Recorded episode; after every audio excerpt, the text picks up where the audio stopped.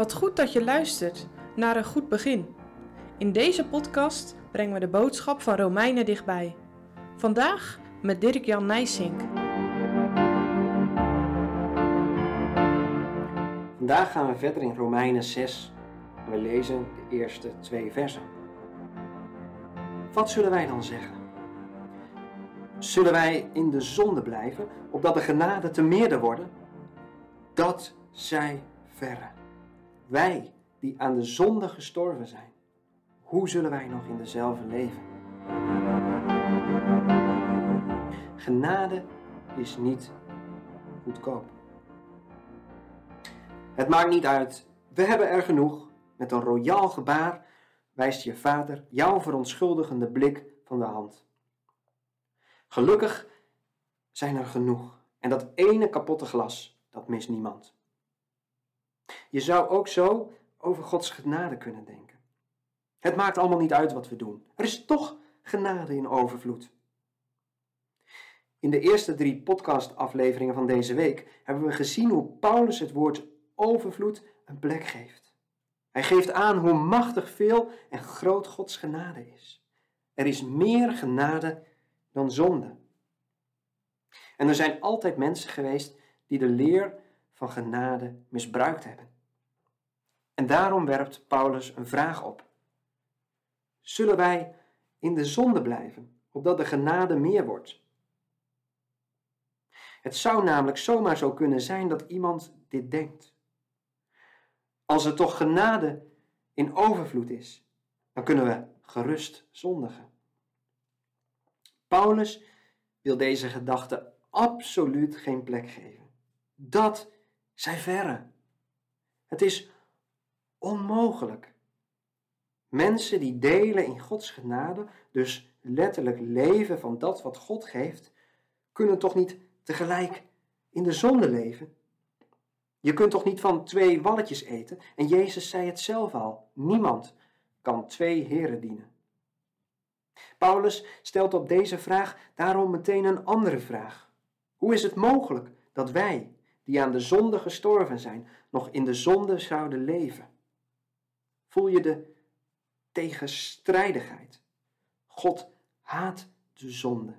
En als we door Christus verlost zijn van de heerschappij van de zonde, dan kun je niet nog in de zonde leven.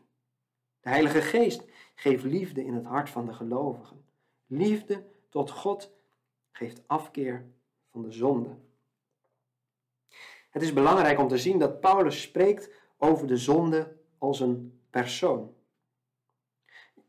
Je kunt dat vergelijken met de manier waarop wij over het coronavirus spreken. In ons taalgebruik lijkt het dan soms net alsof je het over iemand hebt. Het virus slaat zijn slag. We moeten het virus uitschakelen. Paulus spreekt over een soortzelfde manier over zonde. Paulus ziet de zonde als een heer, een wrede, brute heer, die mensen gijzelt als slaven. Zolang een slaaf leeft, heeft de heer de macht over de slaaf. Maar als een slaaf sterft, kan de heer niets meer met hem. Zo is het ook met de zonde. De zonde heeft geen heerschappij meer over ons.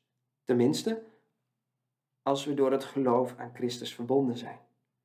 Later, verderop in de Romeinenbrief, werkt Paulus deze dingen verder uit. Hier is het vooral een constatering, een statement. We zijn aan de zonde gestorven. Het zou heel dwaas zijn om dan te doen alsof je nog voor de zonde leeft en je jezelf weer in de invloedssfeer van de zonde begeeft. Maar wat betekent dat nu precies dat een christen gestorven is aan de zonde? Hoe is dat gebeurd? Dat is op Golgotha gebeurd. Daar is de Heer Jezus, zoals Paulus op een andere plek zegt, tot zonde gemaakt.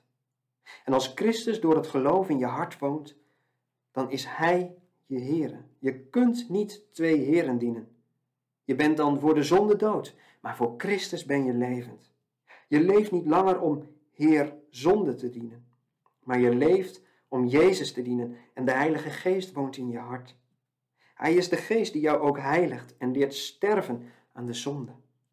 Want, dat zal later wel blijken, al is de macht van de zonde gebroken, de invloed is nog hevig en aanwezig. Een leven met de Heer kan nooit samengaan met een leven in de zonde. Laat ik de vraag maar heel concreet stellen. Aan welke Heer ben jij verbonden? Dien je de zonde of dien je Christus?